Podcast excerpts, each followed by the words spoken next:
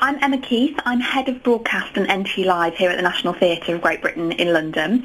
And I have uh, worked at the National for about seven years and worked particularly on National Theatre Live, which is our programme of live cinema broadcasts, which we launched in June of 2009 and has been growing ever since then.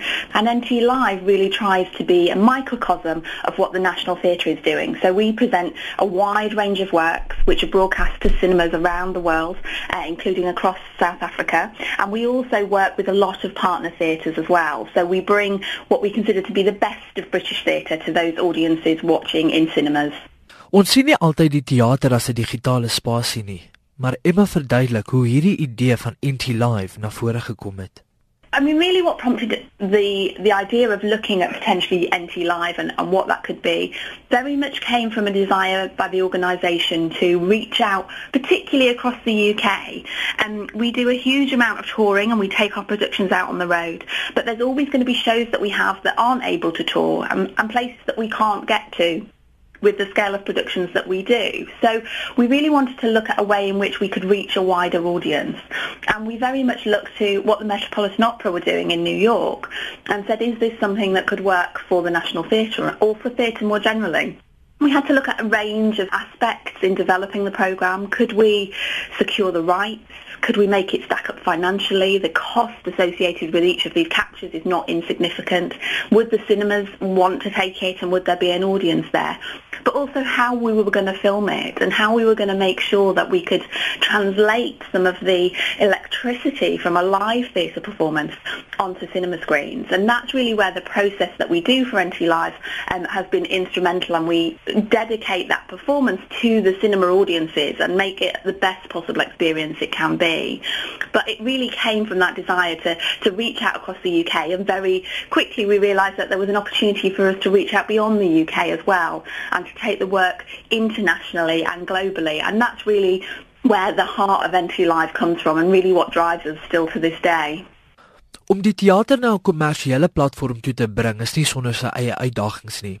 Emma verduidelik hoekom hulle gekies het om 'n rolprentteater te gebruik in plaas van dit op die internet of op die TV uit te saai that cinema holds a very different place in, in people's lives and, and in their experiences and the way they view it compared to how they would view a trip to the theatre.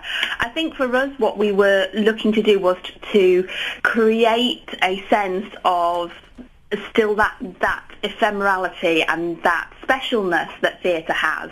So one of the reasons that we've particularly chosen to focus on cinema and our broadcasts aren't available, for example, on television or for online downloads, is because we like the idea of, of people watching collectively and watching with an audience because that's what you do at the theatre and you can't pause it in the middle and, and, and go off and do something else and come back to it later just like you can't a theatre um, performance either. There's that sense of event and um, the, there is a, a limited opportunity to be, to be able to see it so it, again it has that sense of a, a short theatrical run and, and really what we found and the feedback we get from audiences is that actually watching with other people, they do, they laugh, they cry, they applaud in the cinemas, the audiences. And that's what they would do in the theatre. So for us, that's really what's, what's at the heart of it and, mm-hmm. and what we wanted to make sure we were keeping when we translated the theatre productions to the screen was that we kept some of that energy and that excitement that there is there with, with a live performance. But we wanted to also make it quite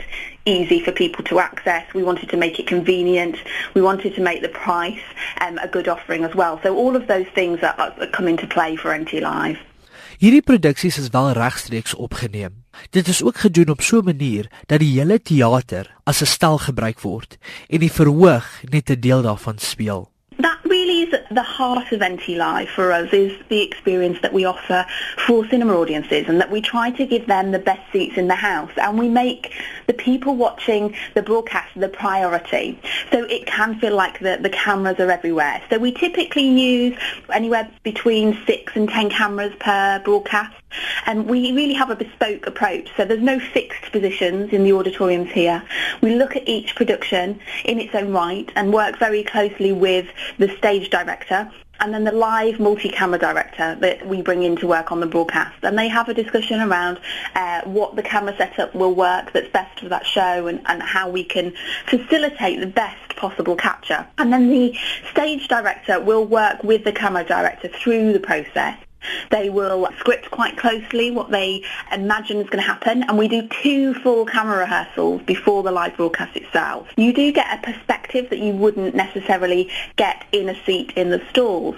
So we only do one live broadcast per production, so one, one capture of the show. Okay. But what we do is offer audiences kind of multiple opportunities to be able to see it. So the, the shows will typically run, for example, in South Africa, there's normally four or five screenings of each production, so an opportunity for be able, people to be able to see it at different times on different days. So we try to provide an opportunity for audiences to, to be able to see the work again. Laastens praat sy oor die teaterproduksie Amadeus wat hulle opgeneem het en wat tans in rolprent teaters te sien is. I mean absolutely Amadeus is is an old story it's still very relevant and very current. And the mm. way this particular production is staged, it's a partnership with um, Southbank Sinfonia Orchestra.